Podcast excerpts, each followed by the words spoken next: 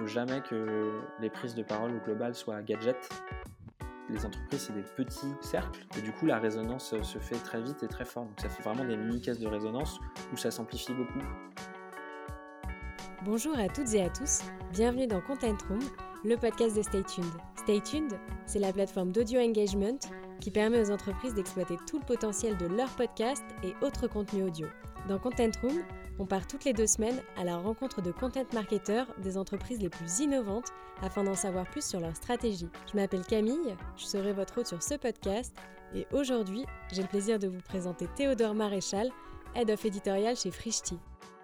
Bonjour euh, Théodore. Salut Camille. Merci d'avoir accepté notre invitation. Pour contextualiser un peu euh, cet épisode, je vais te laisser te présenter ainsi que euh, Frishti.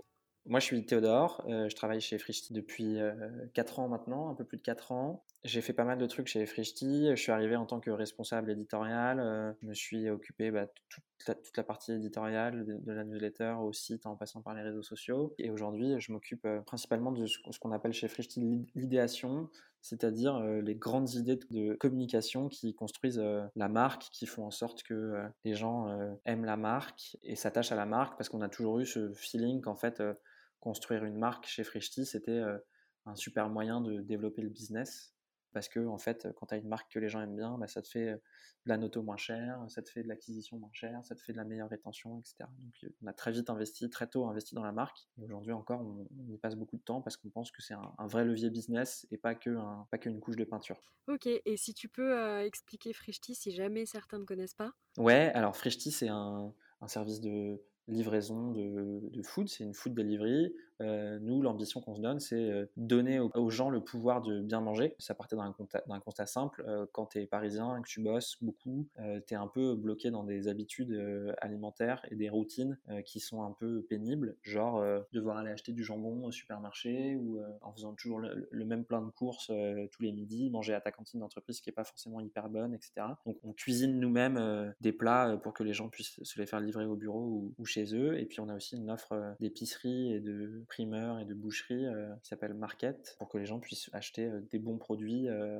à un super tarif et se les faire livrer chez eux et pas galérer à acheter soit des trucs qui sont pas terribles au supermarché, soit se galérer à faire un truc que personne aime trop faire après le travail, c'est-à-dire multiplier les boutiques ou les trajets pour remplir son frigo. Ouais, c'est sûr, je comprends. Et du coup, est-ce que tu peux résumer le positionnement de Frishti en une phrase? Euh, Frishti, c'est une entreprise dont la mission est de permettre aux gens de bien manger. L'idée, c'est leur donner le pouvoir de bien manger tous les jours, à tous les repas. Ok, super clair.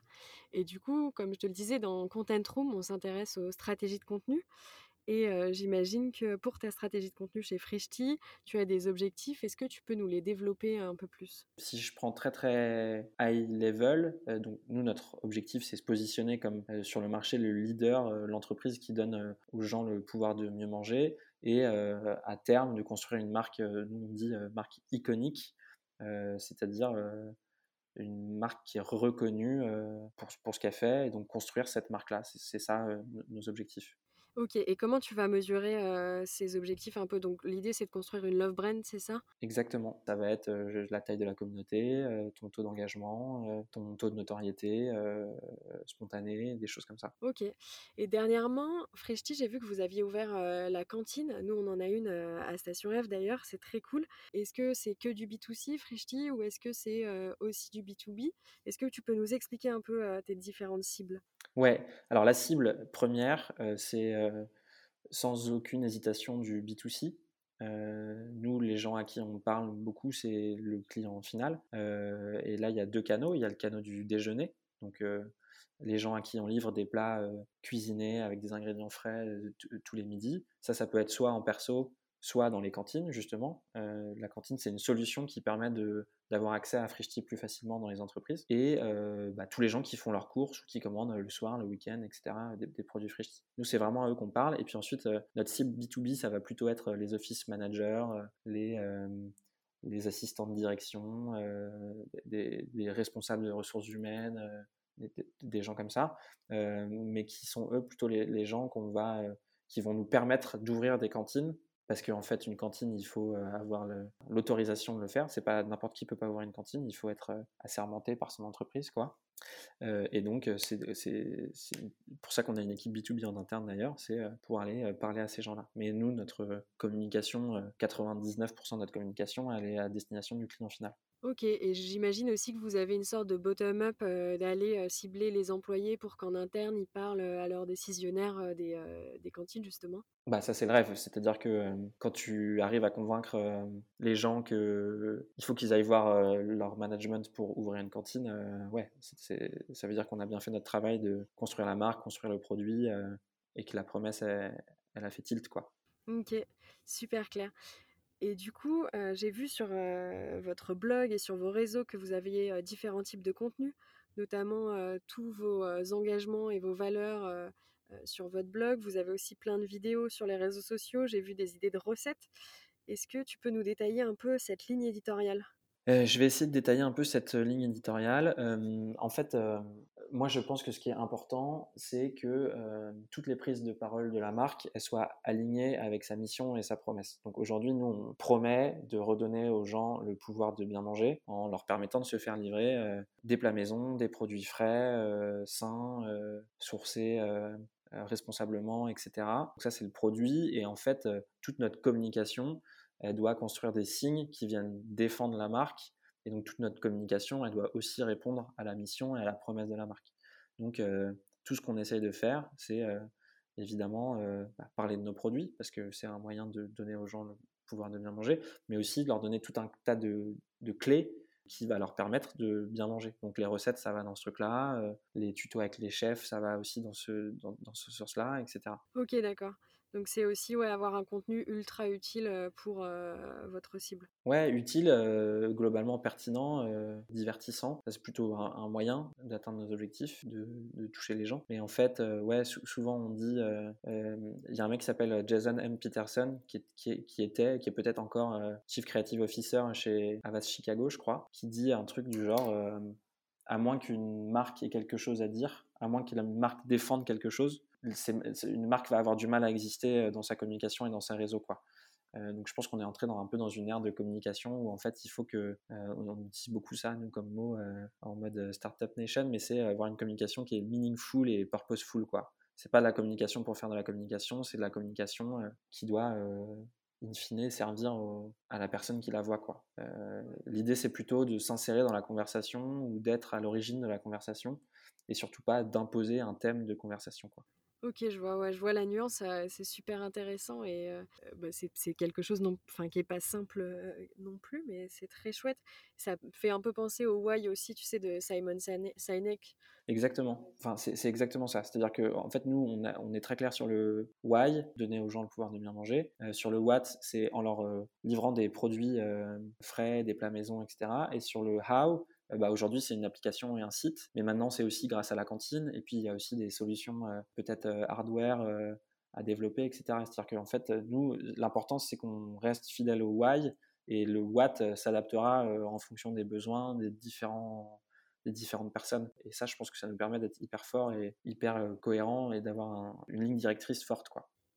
Ah bah ouais, c'est clair, si tu arrives à, rester toujours sur ce même why et avoir des watts différents en fonction de ta cible, c'est quelque chose qui est, super fort. Mais pour en revenir au contenu, du coup, pourquoi est-ce que tu vas plutôt aller faire un article sur vos engagements sur le blog et plutôt une vidéo de recettes sur vos réseaux sociaux?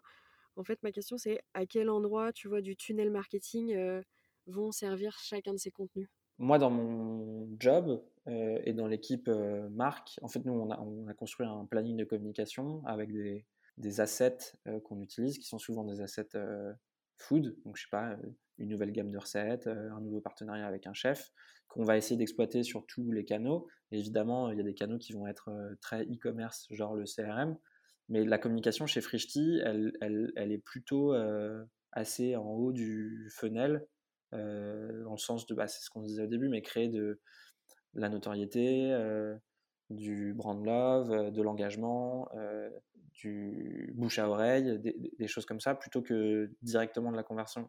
Ok, donc là on passe à une nouvelle partie de l'épisode. Donc j'ai vu des contenus assez intéressants que vous avez fait, notamment le Frishti Food Fighters, qui était un jeu concours sur les réseaux sociaux. Est-ce que tu peux nous détailler un peu plus le concept de ce contenu? Ouais, l'idée de Frishti Food Fighters, c'est un truc qu'on avait déjà fait l'année d'avant, donc c'était la saison 2. C'est une compétition digitale inter-entreprise de Shifumi où on choisit un petit personnage et on défie euh, l'ordinateur euh, au Shifumi. Euh, il faut gagner des points pour sa boîte et plus on gagne de points, plus sa boîte monte au classement et quand on est tout en haut du classement, on gagne un, super cadeau. L'objectif de ce truc-là, c'était, et sachant qu'il y avait plusieurs catégories, il y avait les gens qui avaient une cantine dans leur entreprise et les gens qui n'ont pas de cantine dans leur entreprise. et le lot dans, dans, les boîtes qui avaient une cantine était encore plus gros. Donc l'idée, c'était en filigrane de montrer que euh, c'est vraiment trop cool d'avoir une cantine. Ok, super clair. Et comment cette idée, elle, arrive, elle a été acceptée en interne, en interne de se dire, euh, ok, on va faire un, un Shifumi euh? Quand je suis arrivé chez Frishti, les fondateurs nous ont dit, n'hésitez pas, enfin, vous pouvez nous pitcher tout ce que vous voulez, vous pouvez nous présenter toutes les idées que vous voulez. on les a pris au mot en fait, et, et c'est un truc qui est hyper agréable chez Frishti, c'est que il n'y a pas d'idée qui est incongrue a priori. Et donc, euh, on peut bosser sur des trucs euh, et arriver à des trucs comme le Shifumi, euh, qui sont des, succès en termes de participation, de nombre de parties jouées, retombées qualitatives. les gens étaient plutôt chauds, enfin, nous ont envoyé des messages pour nous dire que c'était cool. Alors qu'a priori, bah, ça peut être, effectivement être bizarre de faire un concours de Shifumi euh, sur Frishti. Quoi. Enfin, et, c'est un, truc hyper agréable euh, de bosser dans une boîte comme ça où en fait euh, les idées sont pas taboues, en tout cas pas a priori. Et, et du coup, ouais, tu parlais un peu de résultats. Est-ce que tu as un peu des nombres de participants? J'ai pas de chiffres hyper précis en tête. Euh, ce que je peux dire, c'est que c'est des centaines d'entreprises participantes, euh, c'est des milliers de parties jouées, euh, c'est beaucoup de retours quali, comme je disais juste avant. Donc ça, c'était très cool. Et en fait, ce qu'on a pu observer, c'est que, et en fait, les, les entreprises, c'est des petits cercles. Et du coup, la résonance se fait très vite et très fort. Donc ça fait vraiment des mini caisses de résonance où ça s'amplifie beaucoup. Et on, voit bien que euh, le nombre de participants euh, augmente très vite au sein d'une entreprise. Et, ça, c'était ça, c'est une bonne approche de communication, je pense, de traiter, euh, de présenter des, des, produits ou des opérations à des audiences qui vont être réceptives et, où le bouche à oreille va se faire vite parce que c'est beaucoup de c'est beaucoup d'économies euh, de moyens en fait de, réussir à fonctionner comme ça. Ok et euh, ouais c'est super intéressant d'avoir euh, réussi à créer un contenu un peu viral et divertissant comme celui-ci. Est-ce que tu as des conseils pour des gens qui voudraient faire un jeu concours euh, euh, je, vais répondre peut-être un peu à côté. Je, sais pas, c'est-à-dire que je vais essayer de donner un conseil qui n'est pas forcément un conseil pour un jeu concours. Moi, je pense que ce qui est hyper important, c'est ce qu'on se disait tout à l'heure en, discutant, mais c'est d'être fidèle à sa promesse et sa mission de marque. Donc ça fait déjà un premier cadre. Ça légitimise vachement la prise de parole, c'est-à-dire que ça, justifie le, fait que la marque puisse prendre la parole. Et après, je dirais que effectivement, euh, il faut que les trucs soient conçus de manière à intrinsèquement être viraux. C'est-à-dire qu'il faut euh, penser le concours ou la campagne de communication ou whatever de manière à ce que le truc euh, organiquement prenne de l'ampleur et se diffuse et que le, les billets qu'on va rajouter dessus c'est juste un coup de pouce mais qu'il ne faut pas il faut faut pas construire un, truc euh, trop top down en se disant on va imposer le message euh, en dépensant plein de pognon. Il vaut mieux construire un truc euh, clair et potentiellement viral dès le début ou en tout cas se donner les chances de le faire et puis ensuite appuyer sur le bouton quoi.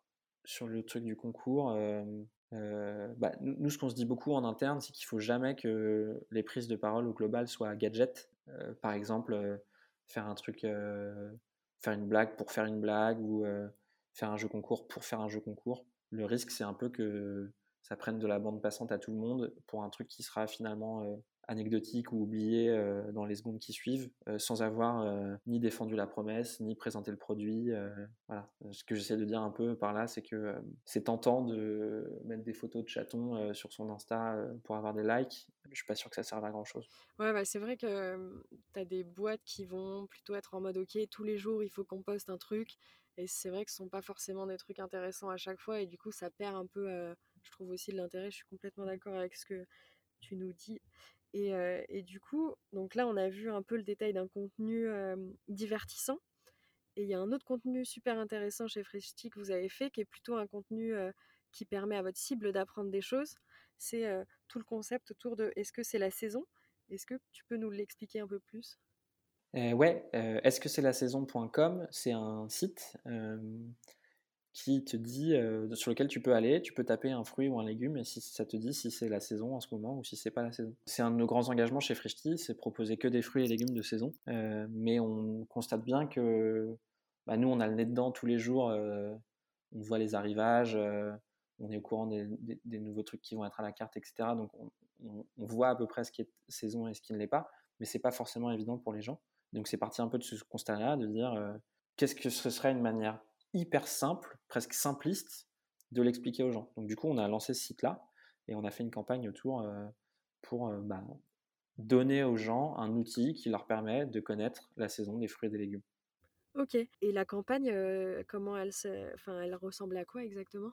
Alors, je vais essayer de la décrire. La campagne, moi, je la trouve un, peu marrante. Il y a eu une campagne d'affichage sauvage dans Paris, puis il y a eu des, films. L'idée, c'était de repartir du truc des emojis, notamment les emojis pêche et aubergine et leur double sens. C'est un truc qu'on a lancé en février. En février, c'est pas du tout la saison des, des, aubergines et des pêches. Et les trucs, c'était un genre d'échange par SMS où quelqu'un euh, dit un truc genre euh, Et si ce soir on aubergine? En mode un peu euh, texto relou, quoi. Mmh et la personne répond Non, c'est pas la saison. et le, le, bouclage de l'affiche, c'était Il ou elle aurait dû aller sur Est-ce que c'est la saison.com Ok, c'est top, c'est pareil. En fait, j'aime beaucoup ce que vous faites, c'est que c'est des idées qui paraissent ultra simples. Enfin, tu les expliques très simplement.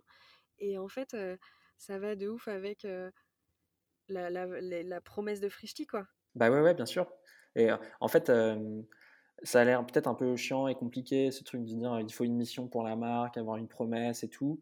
Mais c'est comme faire une strat, quoi. C'est un exercice qui a peut-être l'air relou, mais qui, qui, offre un cadre euh, dans lequel on peut s'exprimer et qui permet de prendre des décisions. Donc en fait, euh, c'est hyper utile.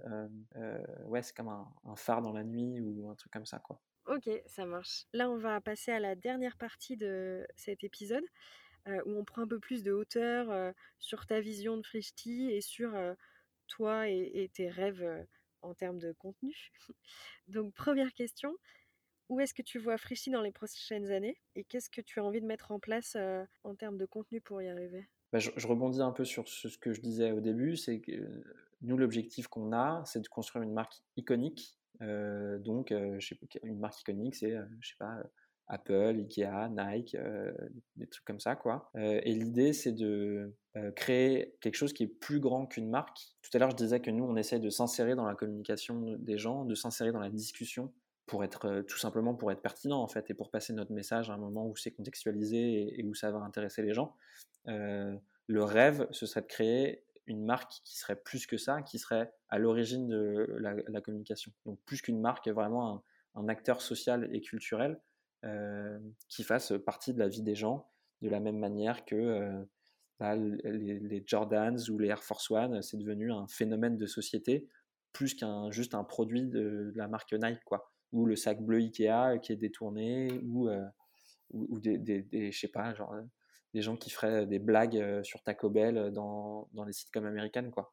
Donc moi, c'est là que j'ai envie d'emmener la marque, de dire faire partie du quotidien des gens, quoi. Pas juste être un, un, provider de, de services ou une entreprise qui te vend un truc, mais quelque chose qui fait partie de ta vie. Ok, top. Franchement, super clair. J'espère que ça va fonctionner. C'est un, truc qui est super cool à mettre en place, mais qui prend aussi des années. En effet, le sac Ikea, je pense que on en a tous un quelque part et, et pareil, tu vois, les, les Jordans, c'est vraiment des trucs ultra iconiques aussi. Et donc, peut-être que tu me l'as un peu dit là, mais quelles sont tes inspirations en termes de marque ou bien de, de, livres? Quelles sont tes inspirations? Moi, j'ai là, comme ça, à chaud, j'ai deux exemples assez clairs en tête. Il y a d'une part Nike et leur nouvelle plateforme de marque et tonalités de marque qui, je trouve, sont ce truc un peu à la fois intransigeant et galvanisant. Et que c'est un super bon moyen de d'assumer ce, enfin plutôt d'incarner le côté nous sommes la marque qui vous permet de faire des trucs, même des trucs qui paraissaient impossibles, et de l'avoir redescendu dans, dans des, dans des, à, un niveau qui comment dire, euh, là où il y en avait besoin, quoi. C'est-à-dire que, genre, de, c'est quand même fort qu'une marque comme Nike qui fait euh, pas du tout euh, des fringues ou des chaussures durables et, et, réussit à se créer une image de marque qui défend la diversité, qui incarne des mouvements antiracistes ou antisexistes en mettant en avant un peu des, bah, ouais, des, des, icônes comme LeBron James ou Serena Williams ou qui bossent dur et puis qui, qui, qui incarnent ce truc de je trouve ça très fort d'avoir réussi à se positionner en tant que marque politique en, disant ce truc de nous sommes la marque qui vous permet de faire l'impossible. Quoi. Ouais, ouais, c'est super fort de réussir à faire ça, de politiser sa marque. En effet, c'est quelque chose qui est compliqué, mais c'est vraiment une prise de position, je trouve, qui est, enfin, qui est, qui est belle, quoi. Et je trouve ça très très cool qu'ils aient eu ouais, le courage d'aller là. Quoi. Je pense que les discussions n'ont pas, dû forcément être évidentes, mais je trouve que c'est. il y a quelques années, on m'aurait dit que Nike allait devenir cette marque-là, j'y aurais peut-être pas cru. Quoi. Tu vois, à une époque où on défendait plutôt le cool, à faire, essayer de faire des collabs avec Kanye West et les rappeurs, peut-être que j'aurais pas, j'aurais pas cru qu'on disait que Nike allait devenir une marque si engagée. Et après, l'autre exemple que j'aime bien, c'est Burger King, je trouve que ça a été très très très malin d'assumer quasiment sur tous les marchés, mais sa position de contender, de concurrent, de numéro 2 en fait, parce que je pense que cela leur a donné une liberté de ouf d'assumer cette position, de pas essayer de se positionner en leader contre McDo et de dire ok on est les deuxièmes, mais au moins ça nous permet de bah, d'aller les titiller, d'être d'aller faire des vannes, d'être hyper impertinent, d'être hyper cynique et, et, et, d'être vraiment créatif, toujours en étant on-brand, parce qu'en fait, c'est leur ADN de marque d'être impertinent et d'être ce deuxième comme un petit frère relou, quoi. Ouais, non, c'est super intéressant tes deux exemples parce que ce sont vraiment deux marques assez fortes et qui ont, en fait, ont des prix des, enfin, qui sont ultra différentes au-delà de leur business, tu vois. Genre, on a une qui est politisée, l'autre qui assume plutôt son rôle de second. C'est marrant qu'elles arrivent un peu à être, tu vois, autant connues et avec deux trucs aussi différents. Pour compléter mon truc sur les conseils tout à l'heure, alors c'est un, conseil très loin de l'opérationnel, mais en fait, moi j'ai la conviction qu'une marque, elle a toujours intérêt à capitaliser sur ses singularités plutôt qu'essayer de faire ce que font les autres, quoi. Et je pense que c'est comme ça qu'on construit des marques très fortes, c'est-à-dire en qu'est-ce qui rend la marque unique? Et c'est là-dessus qu'il faut, qu'il faut pousser. Quoi. Ouais, bah, carrément, c'est super intéressant. Et du coup, j'ai la dernière question de cet épisode. Si demain ton ou ta boss euh, venait te voir avec, en te disant euh, Ok, euh, Théodore, budget limité, quel contenu rêverais-tu de créer pour Frishti nous, le truc dont on a beaucoup parlé, enfin, qui est moi toujours, que j'ai remis régulièrement dans des pitchs et des trucs comme ça, l'idée que j'aime beaucoup, ce serait, et ça va dans cette idée de devenir un acteur culturel et social et de faire partie de la vie des gens, mais ce serait d'ouvrir un, lieu physique en fait, genre un food court frishti où les gens pourraient aller bouffer, où les gens pourraient aller faire leurs courses, où les gens pourraient assister à des événements, des trucs comme ça. je trouve ça hyper fort, déjà d'une part, d'un point de vue de la marque, parce que c'est, ce serait un événement de créer un truc aussi big, etc. Donc je pense que ce serait intéressant. mais je trouve aussi que c'est un super moyen de présenter la, totalité de l'offre et, et, de la valeur ajoutée de Frishti. C'est-à-dire qu'il y a de la food, il y a des partenaires, il y a des pâtissiers, quand je dis il y a de la food, il y a des plats cuisiniers, des plats cuisinés quoi. Nous on a, on a quand même une cuisine euh, euh, juste à côté de Paris on cuisine tous les jours des plats à maison, euh, des vrais chefs qui cuisinent avec des produits frais qu'on reçoit tous les matins. c'est quand même un truc de ouf mais il y aurait aussi tous nos partenaires. Donc on bosse avec, euh, avec Yann Couvreur, on bosse avec Christophe Michalak, euh, on bosse avec euh, Pougeran, donc on a, on a des, avec Bayver pour le fromage, on a des super partenaires, ce serait un super moyen de les mettre en avant. Et puis on a aussi tous nos produits, tous nos primeurs, toute notre offre de boucherie, notre offre d'épicerie sucré, salé et tout. Et je trouve que ce serait un super, ce serait quasiment, ça aurait pu être un, go-to-market quasiment d'ouvrir des lieux comme ça, quoi, pour montrer l'étendue de la proposition de Frishti. Ok, ouais, c'est super, c'est une super idée. En plus, tu parlais tout à l'heure de faire partie du quotidien des gens. Là, ça pourrait être vraiment un lieu de rencontre sociale entre eux, avec leurs amis et tout. Je trouve que c'est top. Bah carrément. Ce serait, c'est un truc que nous on n'a pas. C'est-à-dire que les, les gens qui font leurs courses le soir, ils passent devant, ils passent devant Monop, ils passent devant G20, ils passent devant Franprix, et ça leur fait un reminder. Nous, on n'a pas ça, on est obligé de, de faire ce, remind, ce travail de reminder différemment. Et ça, c'est vrai que ça nous mettrait à un autre niveau. Quoi. Ouais, c'est clair. C'est franchement super cool comme idée.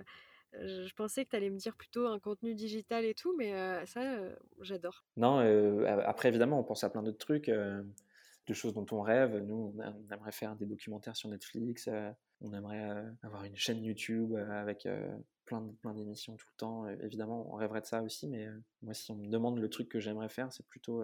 alors, en ce moment, on pourrait pas faire venir beaucoup de monde, mais je trouve que ce lieu physique, un lieu dans lequel on pourrait accueillir des gens et un, lieu qui présenterait toute l'offre de Frishti, je trouverais ça assez cool. Ouais, super idée, franchement. Ouais, écoute, Théodore, merci beaucoup pour cet épisode de Content Room. Je suis ravie de t'avoir reçu. Et bah, merci beaucoup de m'avoir invité. ça m'a fait très plaisir de discuter de ça avec toi. Merci à toutes et à tous d'avoir écouté cet épisode. Pour découvrir d'autres contenus autour du content marketing, rendez-vous sur notre site staytuned.io. Sur ce, je vous dis à dans deux semaines pour un nouvel épisode de Content Room.